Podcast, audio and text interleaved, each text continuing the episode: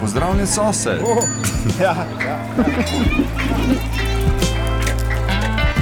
Obrazi, obrazi, obrazi. sosednje ulice. Sosednje ulice.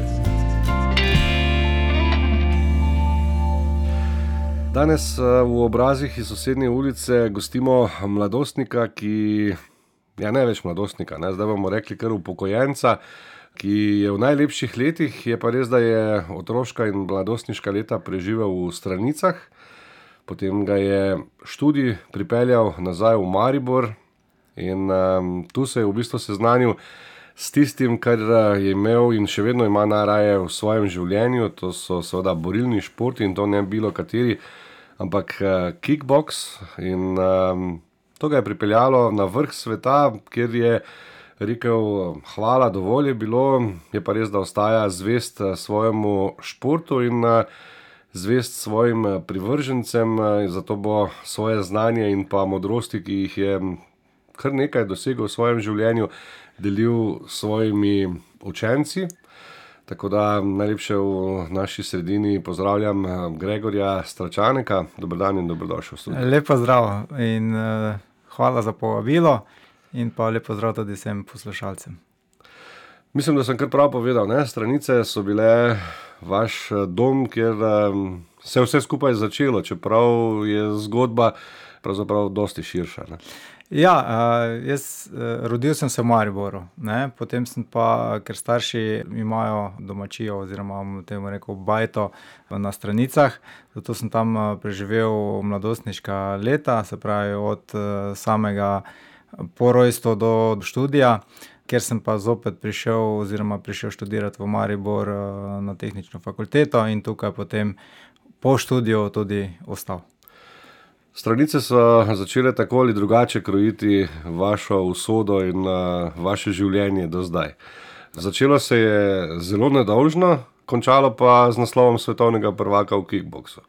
Ja, res je, nekako že v začetku, oziroma pri nekje petih, šestih letih sem se prvič seznanil z borilnimi veščinami, bom rekel temu bolj eh, z boksom. Kako sem prišel do tega, v bistvu čist tako videl sem tale film Rocky Balboa, ki je bil takrat zelo popularen.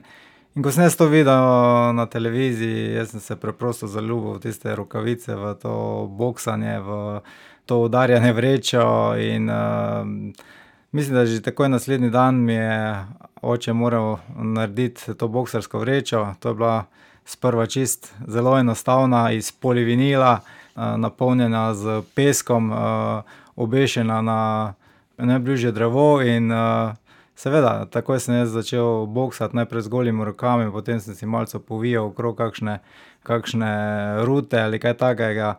Kasneje smo iskali boksarske rokavice ampak v tistem času je to bilo zelo težko dobiti, kaj šele za tako malo roko.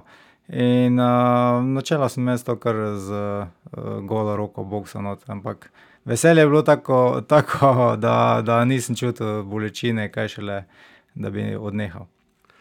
No in potem, zanimivo, niste nadaljevali zgodbe kot bi vsi otroci pri tistih letih, tekali za kakšno žogo, ampak je bila naslednja ljubezen eh, Šotokan karate. Ja, res je. Uh, jaz, že kot sem omenil, pri teh letih, uh, še preden sem stopil v malo šolo, uh, doma treniral uh, ta boks, uh, vsake toliko časa pogledal tega rokja, da mi je vlil dodatne motivacije. In uh, potem sem skozi iskal, kje je nekakšen klub, ki bi lahko to treniral. Stranice so zelo mali kraj, tako da tam pri nas uh, ni bilo te možnosti. Okoliški zreče in pa slovenske konice uh, so že malo večji kraj, ampak še vedno nekako ni bilo nobenega boksarskega kluba. Je pa se v konicah začel razvijati ta uh, Šotokan karate klub. Seveda, ko sem jaz to uh, spoznal, da se odvija v slovenskih konicah upis za nove člane, sem se članil in potem je stekla zgodba v, v karateju. Kako dolgo je trajala ta ljubezen? Ja, to je v bistvu trajalo celotno osnovno šolo. Mislim, osnovna šola je bila, oziroma vključil sem se tam v tretjem razredu, pa potem celotno osnovno šolo, tudi srednjo šolo, čeprav v srednji šoli sem bil malce tak, bomo temu rekli, pubertetniško nagnjen in sem malo treniral, malo nisem treniral, tako da nisem bil mogoče tako zavzet, ampak ljubezen je obstajala še tudi takrat, tako da je lahko rečem osnovno šolo in pa srednjo šolo. Kakšne so bile takrat želje, kaj ste razmišljali, kaj bi želeli postati, ko odrastete, ko končate šolo? Ja, takrat mogoče nisem razmišljal toliko o samih nazivih, o samih dosežkih, ampak sem mogoče samo videl te filmske junake, kot so bili Bruce Lee, Jean-Claude Van Damme, in ostali. In, takrat me je porojilo po glavi, kako bom jaz enkrat na, na filmskem platnu tam izvajal te špage, krožne udarce, se pretepal z zlobneži. Mogoče mi je bil to bolj cilj kot pa kakšni dosežki, v smislu tekmovanja. Obrazi sosednje ulice. V Obrazih sosednje ulice gostimo Gregorja Stračaneka, svetovnega prvaka v kickboksu, full contact, nekako vas je srednja šola popeljala do tega, da je treba se odločiti, kako naprej, in, odločili ste se za študij v Maribor, znova vrnitev na neki način domov. Ja, res je, pač ko sem izbiral študij, sem imel na razpolago dve opciji, ali Ljubljana ali Maribor. Nekako mi je vedno bil bližje Maribor, tudi zaradi tega mogoče, ker sem se tukaj rodil, ker imam tudi tukaj sorodstvo. Tako sem potem prišel sem, se preselil, najprej v privat stanovanje, potem v študentski dom. Pač sem človek, ki ima rad gibanje, ki ljubi borilne veščine, in tako sem tudi sam mislil, da bom nadaljeval to pot s karatejem. Nakar pa sem videl, te plakate s kickboksingom in, rokavice, potem te udarce in, ja, kar hitro sem, sem se pozanimal, kakšen stil je sploh ta kickboksing. In ko sem videl, da so to moja prva v bistvu ljubezen, se pravi boks in pa še potem udarci z nogo, potem sem vedel, da to je to. In to je bila na neki način tudi odločitev, da ste šli v full contact? mogoče sprva ne, ker, preden sem jaz, začel trenirati kickboksing, jaz sploh nisem poznal te borilne veščine oziroma bolje rečeno, tega športa, ker kickboksing je borilni šport, ni pa veščina, kot je recimo taekwondo, karate in ostale veščine. In potem znotraj kickboksinga vemo, da imamo več, disciplin. Od, lahkega kontakta, se pravi od, point fightinga do, lahkega light kontakta, potem polnega kontakta, full kontakta. In, jaz pač, jaz meni je bilo samo važno, da jaz treniram, da mogoče grem na kakšno tekmo. Kakšno tekmo bojo že trenerji odločili, sprva sem začel s tem pointom, ki se mi seveda nikakor ni najbolj dopadel. Nato sem nadaljeval s tem rahlim kontaktom, light kontaktom. To mi je že bilo malo boljše, kajti tukaj borba je kontinuirana, seveda je treba paziti na, moč udarca. Ko pa sem, potem, prvič probal full contact in, ring, pa sem takoj zopet vedel, to je pa moja disciplina, v kateri želim graditi, rezultate, in tako se je potem to začelo. Torej ring je bil tisti magnet, da ste se tudi odločili za to, bomo rekli kar skrajno verzijo, ne, full contacta. Ja, ring je, kot vemo, če se zopet, če se vrnemo nazaj na ta boks, ki sem ga imel mogoče v že iz malih nog v glavi, je zopet v, v kickboksu, v full contactu je zopet prisoten ring, ne, in tukaj je zopet tista navezava nazaj, kjer je mene že od malega vleklo v ta boksarski ring. Seveda pa tukaj tudi potem, so udarci s polno močjo, ni potrebno paziti na kakšen kontakt, prostor je zagrajen, kar je tudi meni, vedno ustrezalo, da ne rabiš paziti na posamične prestope in kazenske točke. Tako da, ja, vse skupaj, no, skupek vsega tega me je privedlo, da sem rekel: "To pa je disciplina, v kateri bi jaz želel, doseči viden rezultat." Je nadgradnja tega kickboks full contacta mogoče, ta street fight, kjer je pravzaprav res dovoljeno vse, neke omejitve vseeno obstajajo? Sigurno, tudi v tem, MMA-ju oziroma mešanih borilnih veščinah, so pravila, seveda so vsa ta pravila odvisna od v tem sodobnem času od posamezne organizacije. najbolj je sedaj mogoče na udaru ta UFC in vsaka ta organizacija ima svoja pravila, ne, kako, kaj je dovoljeno in kaj ni. Čeprav mogoče tudi v teh borilnih veščinah človek misli, da ni pravil, so pravila, je pa mogoče res, da so pravila zelo obširna, oziroma da je borba lahko poteka tako na parterju kot v stand-upu. In mogoče nekdo misli, da ni pravil, ampak pravila sigurno, da so. Prelomno leto je bilo tam okoli leta dva tisoč, ko ste se našli v tem športu. Ja, moram reči, da prva borba v full kontaktu je bila dva tri, ampak mogoče prelomno leto je pa bilo, dva štiri. Takrat sem se uvrstil v državno reprezentanco in prvič nastopil na večjem prvenstvu, to je bilo evropsko prvenstvo v Budvi v Črni gori. In takrat sem začutil, da, sem na pravi poti, da se rezultati stopnjujejo. In pa, kar mi je vedno veliko pomenilo oziroma še mi danes pomeni, da sem lahko ponosno predstavljal Slovenijo oziroma naš, slovenski grb. Dvanajstkratni državni prvak, mislim, da je kar lepa številka, ne. Ja, od takrat naprej potem sem delal na tem, da da sem skozi prisoten v državni reprezentanci, kar je pač seveda predpogoj naslov državnega prvaka. In pa seveda še posamezne mednarodne tekme, katere odreja, selektorska komisija. In, ja, pač to mi je bil cilj, državno prvenstvo oziroma reprezentanca, da lahko potem nastopam na teh, najvišjih tekmovanjih. Če se malce sprehodiva čez vaše dosežke, prvo mesto v Segedu na tisoč šest, potem drugi na pokalu best fighter dva tisoč šest in enajst v Riminiju pa dva tisoč sedem do devet, na Bihać openu, to so vse prva mesta, potem, mednarodni turnir v Tešanju v Bosni in Hercegovini, Scandinavian open, to so sami laskavi naslovi, ne. Ja, lahko rečem, da kar se tiče rezultatskega smisla, sem, v svoji karieri dosegel vse.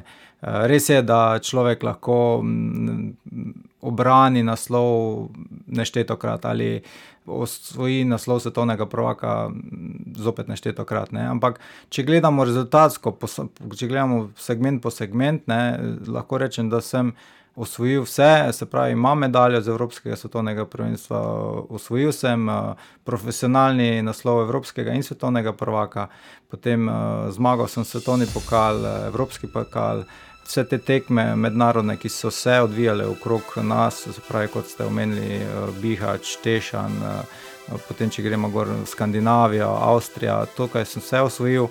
In, ja, lahko rečem, da sem zadovoljen oziroma da je, zbirka popolna.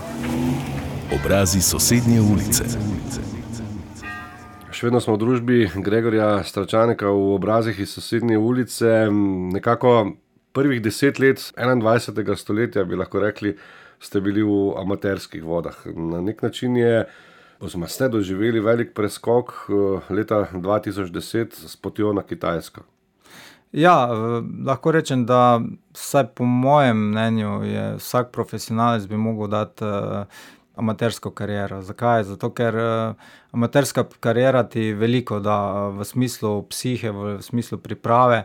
Namreč ti, ko hodiš na te turnirje, ker vsi, vse amaterske tekme so turnir sistemi, kar pomeni, da ti se lahko na eni tekmi srečaš z več različnimi nasprotniki in moraš biti kompleten borec, se pravi, da moraš se pripravljati tako na levičarja kot desničarja kot nekoga, ki je dober v boksarski tehniki, ki je dober z nožnimi tehniki, se pravi, da moraš biti kompleten borec, da lahko ti se odboriš s kakršnimkoli borcem. Medtem ko pa recimo v profesionalnem, ringu pa se ti pripravljaš samo enega, borca, ne, in ti potem res, se bolj temeljito sigurno pripraviš na nekoga, je tudi težje, ker je več rund, potem zaščitne opreme je manj in tako naprej. Ampak jaz pravim, pač ta amaterska kariera plus tega, da zastopaš, državo, da si član, državne reprezentance, kar, je za mene velika čast in bi mogla biti čast vsakemu športniku, ti res veliko da in, in mislim, da je prav, da človek začne oziroma športnik začne z v amaterskem smislu in potem nadaljuje svojo kariero v profesionalizmu. Tale Kitajska, če se vrneva na njo, tam vam, so dali misliti morda tudi s samo pripravo na to tekmovanje, ne, da so v bistvu prvič, v verjetno vaši karieri poskrbeli za Gregorja Stračaneka kot organizatorji? Ja, moram povedati, da leta 2010 so bile prvič organizirane uh, te uh, igre borilnih športov in borilnih veščin, to je Combat Games. To je nekakšen približek olimpijskih iger za vse te borilne športe, ki niso člani uh, olimpijske družine oziroma olimpijskih športov. Ne. Tukaj imamo vse uh, športe, od karateja, aikida, juda, ki sicer je olimpijski šport, ampak je tudi zraven v, v teh igrah. In uh, to je res visok nivo. Sicer sam še nisem bil na olimpijadi, ki, uh, da bi lahko primerjal, ampak uh, če ima vsak športnik uh, svojega šoferja, ne, če lahko temu rečemo, potem, da res poskrbijo z njim, z vsako. Z urnikom, ki, kako imaš vse razporejeno, kdaj je vaga, kdaj je, kdaj je borba, kdaj je kosilo, glavno vse načrtano, plus tega, da dobiš vso upremo. Mislim, da je to zelo velik, visok nivo in uh, potem človek zna to ceniti, takšen, takšen nivo tekmovanja. No, sploh že zato, ker uh, tja se ne uvrsti bilo kdo iz države, ne? ampak uh, samo ja, najboljši na svetu. Tako je, tudi tu, tu v, v, pri posameznem športu so bile omejitve, katere kategorije in katere discipline sploh bodo uvrščene na te kombat uh, games oziroma športne igre, ne? oziroma športne igre borilnih veščin. In uh, tukaj je že prva bila bom rekel, temu dobra izbira, da je bila ravno moja kategorija in pa um, moja disciplina, katera je bila uvrščena na te igre. Plus tega je pa bilo uvrščenih v recimo. Direktno tja na Combat Games na, na Kitajsko, samo sedem uh, borcev, uh, šest iz celega sveta, plus domačin, Kitajec, kateri je bil sedmi. 2013, ponovljena zgodba takrat v Sankt Peterburgu, v Rusiji. Kakšni so spomini na te Combat Games? Kot sem rekel, to je čist uh, drugi nivo kot na recimo naše evropske, evropska prvenstva, svetovna prvenstva, ki tudi so uh, zelo dobro organizirana, ampak to je le višji nivo, mogoče tu so dvorane razporejene. To ni recimo v eni dvorani samo boks in samo kickboks. Potem v drugi dvorani je judo, plus aikido, tretji karate, jiu-jitsu. To je res uh, razvejano, ampak temeljito organizirano. Kot sem rekel, tukaj vem, da na kitajskem je bila prisotna nacionalna televizija, tudi v Rusiji je bila prisotna nacionalna televizija, tudi potem za odre, za vsako, vsak eh, komentar po borbi uh, ne, je bil pripravljen. Medalje, res takšne, ki si jih lahko daš samo v okvir. Tako da uh, tukaj so res bile eh, stvari poskrbljene na zelo visokem nivoju.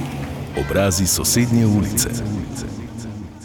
Gregor Sačanek je še vedno v naši družbi, svetovni prvak, ste v kickboksu kot profesionalec.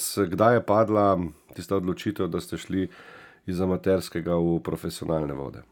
Je, to je bilo, mislim, da nekje leta 2011 takrat sem na ključno srečal gospoda, ki je v, šel na eno tekmo, pripravljalno tekmo v Nemčijo, kjer uh, sem uh, se zelo dobro boril in so me opazili ljudje, ki organizirajo te uh, profesionalne gale uh, v Nemčiji. In uh, tale predsednik uh, Vako Pro Nemčije, se pravi Svetovne uh, zveze, ki se ukvarja z profesionalnimi borbami, uh, je vstopil do mene, me pozdravil v angleščini, takoj sem odgovoril, da lahko govorimo tudi v nemščini, saj dobro razumem in tudi govorim. In hitro smo se dogovorili, da uh, lahko nastopim na naslednji gali, če bo potreba. Uh, jaz sem tako izrazil željo, in tako smo potem uh, si, smo si izmenjali kontakte. In ko je bilo, mislim, da je bilo tako, potem par mesecev zatem, se je v nemškem mestu Bad Neustadt organizirala ta prireditev Arena Fight Night. Takrat je stopil ta gospod eh, z mano v stik in eh, pač predlagal, če bi se boril proti nemškemu prvaku. Jaz sem to z veseljem sprejel in tako se je začela ta zgodba. No in vajo ste ponovili tudi naslednje leto. Ne? Ja, tako je. In, uh, organizatorji so bili zelo zadovoljni z vsemi borbami. Tudi lahko rečem, če se malo pošalim, oziroma malo pohvalim, tudi sam sem delal zelo dobro borbo takrat.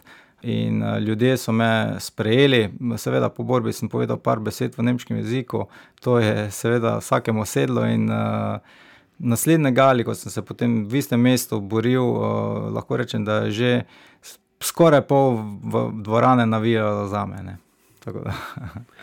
Internacionalni prvak Nemčije ne, uradni naziv tega uh, naslova, ki ste ga tam usvojili. Tako, tako. Pa moram reči, da sem to prvič osvojil v kategoriji 71,8, uh, drugič pa potem do 75 kg. No, in tu je ne, na nek način tudi nov preskok. Ne? Takrat ste prišli ja. pod okrilje Tomaža Barade. Ne? Te dve borbi sem še uh, oddelal v, v starem klubu, se pravi v Železničarskem športnem društvu. Na kar sem potem uh, šel, to je bilo pred to olimpijado borilnih veščin, ki se je odvijala v St. Petersburgu.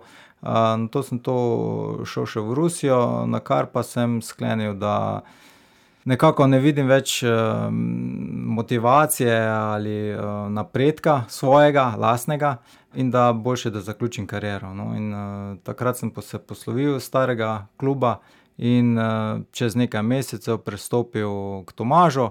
In potem smo mi dva začela nadaljevati to zgodbo o profesionalnih borbah.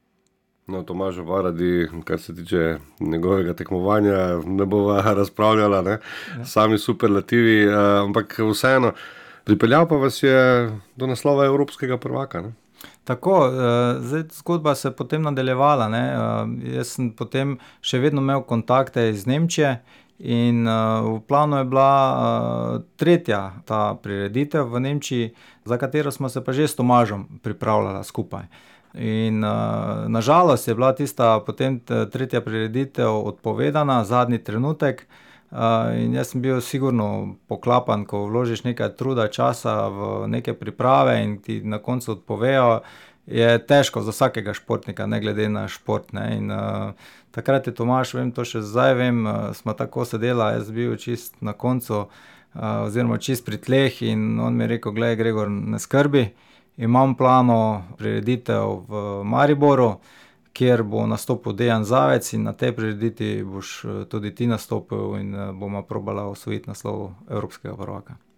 No, zgodba je znana, ne, Mariborska dvorana Tavor je takrat pokala po dolgem in širokem, ne, po šivih in še po čem. Res je in eh, da lahko se boriš na takšnem eventu je res tak občutek, ki te ponese in mogoče še daš tistih dodatnih nekaj procentov, ki jih mogoče prej ne bi dal. No, potem eh, so se ti evropski naslovi vrstili drug za drugim, 2016, 2015, 2017, in potem ste verjetno začutili tudi s Tomažem skupaj, da je čas, da naredite še korak dalje, da je Evropa enostavno premala. Res je. Ehm, eh, jaz bom temu rekel, ko je človek lačen uspehov, ko ima nek cilj, je res eh, on naredi vse, vse pri meni. Tako jaz že skozi hodim v službo in usklajujem svoje treninge, priprave za službo. In ko imaš v glavi nek cilj, ki si, si ga zadal, ki, ki ga še nisi osvojil, potem uh, so to usklajevanje ima nek smisel in tudi uh, si pripravljen se odreči marsičemu. In tudi tukaj, ko smo ta naslov osvojili, dvakrat obranili, smo se spogledovali, kako naprej, kaj, da nas nekako dodatno motivira. Uh, in tukaj smo potem zopet s Tomažem rekli, da je še narediti ta zadnji korak, uh, napad uh, svetovnega prvaka, oziroma probati njemu odzveti to titulo. In tako se je zgodilo, uh, ostalo pa je zgodovina. Je zgodovina. Bili ste že na tem, ne, da ne bo ostalo samo pri enem enkratnem naslovu svetovnega prvaka, pa je udarila ta čudna pandemija. Ne? Ja, uh, Prejšnje leto smo sprejeli izzivalca iz Finske. Pri nas tako in tako ni bilo možno organizirati nobene prireditve. Eh, Finci so se spravili eh, k organizaciji, eh, mi smo se začeli pripravljati, in ampak potem, nažalost, je to darilo na, na vseh področjih in mogli smo odpovedati, nažalost. In takrat vem, da jaz sem sploh takšen človek, da rad imam nekaj splanirano, oziroma se držim uh, določene poti. In če gre nekaj narobe, če kje se kaj, meni to fejs potreno. In uh, ko so nam odpovedali to, oziroma ko smo mi mogli odpovedati ta dvoboj, sem fejs bil na tleh zopet, sem uh, tuhtal, kako pa zakaj pa. Dobro sem že pripravljen, pa ne morem tega dokazati in te stvari, in kdaj bom lahko zopet. In uh, vem, da sem, volja mi je precej padla, in uh, nekako potem nisem našel več tistega zagona, da bi rekel, zdaj pa gremo zopet znova, oziroma uh, na novo pot, na nove priprave. In um, nekako sem iskal to dodatno motivacijo še letošnjo leto in uh, tuhtal, kako naprej. Ampak nedolgo nazaj smo s Tomažem se iskreno pogovorili in um, tako je potem, ne bom rekel čez noč, ampak uh, se čez čez čas izoblikovala ta uh, odločitev, da pač preneham oziroma končujem svojo športno pot. Obrazi sosednje ulice. Gregor Sačanek je še vedno v naši družbi, aktualni svetovni prvak v kickboksu, v full kontaktu, zdaj že upokojeni svetovni prvak, ne bova rekla, nažalost ali pa na srečo. Ne? Ja, vse ima svoje prednosti in slabosti, tako da Eh, lahko rečem, da ne rabim več paziti na težo, tortice lahko prehajajo zdaj v ne samo v eno, ampak tudi dve ali tri. Potem eh, ni več tega pritiska, glede samih tekem, glede, glede same priprave. Ampak po drugi strani pa to človek tudi pogreša, ko je, ko je navaden, ko nekaj časa se ukvarja s tem, ko ga adrenalin dviguje, potem to pogreša. Jaz sem pač že prednjem sprejel dokončno odločitev uh, sem se postavil v to kožo, kako je, ko pač tega več ne bo. In uh, moram reči, da to bom vedno pogrešal, uh, ta stres, bom temu rekel. Ne? Ampak enkrat je pač treba dati na vago, pluse in minuse, in pač sprejeti odločitev, katera je najbolj primerna. No, mislim, da pri 40 letih ni nobena sramota reči dovolj. ja, tako je. In telo ni več najmlajše, tudi zadnje leta sem. Eh, moral prilagoditi uh, določene eh, treninge. Vse veste, regeneracija je zdaj čisto drugačna kot pri 20 letih, tako da tudi več, več teh dodatkov, več, več vitaminov človek oziroma telo potrebuje. Tako da je treba vedeti oziroma poznati svoje telo in uh, vedeti, kako se s časom spremenja uh, in kaj je treba dodati, kaj spremenjati. Jaz sem to, moram reči, kar lepo peljal vse do do letošnjega leta, zdaj pa bomo rekli, da je ta ena zgodba zaključena, začenja se pa druga. Morda ta zgodba sploh ni tako napačna. Ne? Prenašanje svojega znanja, svojih izkušenj, svojih pogledov in svoje discipline iz preteklosti zdaj na nove generacije. Sigurno, to je v klubu že nekaj časa delujem kot trener, res da pač. Sem tukaj zdaj bil razdvojen, oziroma vseeno sem moral prvo gledati na sebe, da sem jaz bil optimalno pripravljen še na to, na druge. Zdaj se ta zgodba malce izoblikuje na drugo stran, se bo rekel, da bom bolj gledal na druge kot na sebe. In lahko rečem, da ko ljudi oziroma športnike treniraš, ko jim predajaš neko znanje in ko vidiš potem, da oni poslušajo in eh, to celo upoštevajo na sami tekmi, ti da res takšno zadovoljstvo, kot ga mogoče sam, kot sem ga sem mogoče sam doživel v ringu, kjer sem jaz tekmoval. Tako da tu je zopet uh, faktor ta zadovoljstva, če ti vidiš, da prenašaš znanje in da se to znanje upošteva. No in adrenalina bi lahko bilo tudi ob ringu dovolj. Ne? Ja, uh, eh, vse ga je vedno bilo, sploh ko je uh, boksal, oziroma ker se je boril moj brat. Uh, tukaj vem, da to sem bil bolj utrujen jaz eh, ob ringu, kot pa brat v ringu. Vedno cel napet, uh, ker lažje je po eni strani se boriti v ringu, saj delaš tisto, kar hočeš, ob ringu pa si ne močen, lahko samo kričiš in kriliš, ampak kaj več pa ne, mor ne moreš narediti. Eh, Gregor, morda še eno drugačno vprašanje. Eh, zdaj smo samo o športu govorili, ampak eh, ob tem svojem športu, profesionalnem in tudi prej amaterskem, ali ste študirali, ste, zdaj hodite v službo. Kako je uspelo vse skupaj kombinirati? Ja, moram reči da za sebe, da sem kar organiziran človek. Mogoče ravno zaradi tega, ko sem vam prej omenil, da ko določene stvari ne grejo po poti, ki sem si jih začrtal, sem toliko bolj razočaran.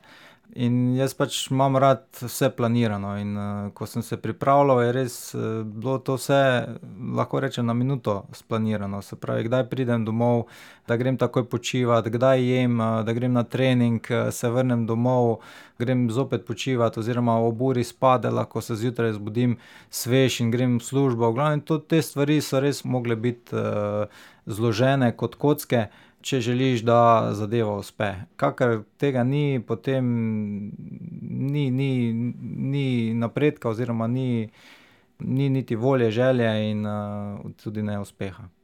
Kaj ste počeli, ko niste bili v ringu, ko niste trenirali, ko niste hodili v službo? Jaz pa kaj prostega časa ostalo v vseh teh letih? Bore malo. uh, zato mogoče tudi zdaj sem malo vesel glede tega uh, dodatnega prostega časa ki ga bom mogoče zdaj namenil tudi svoji punci, da bom mogoče več časa z njo, kot pa prej, ko sem res ali bil v službi, ali na treningih, ali na tekmah, ali na pripravah. Tako da to je že zopet ena pozitivna stran. Drugače pa lahko rečem, da obožujem naravo, rad hodim v hribe, um, rad uh, tudi grem na morje, rad smučam, Pa še je veliko dostih stvari, ampak moče zdaj res ni bilo časa, da bi jih preizkusil, pa jih bom v bodoče. No, 40 let še ni starost, ko je treba reči, več šport kot pa reči, tako zdaj pa bom postal kavč poteto. Ne? Ja, seveda. Ne. Jaz tako pravim, za nas, ko bomo 200 let doživeli, je to samo kapljica morja. Gregor Sečanek, hvala za vse, kar ste naredili v svetu kickboksa v Sloveniji. Veliko uspehov tudi na vaši trenerski poti in pa seveda tudi v privatnem življenju. Hvala. Najlepša hvala. Obrazi, obrazi, obrazi. sosednje ulice.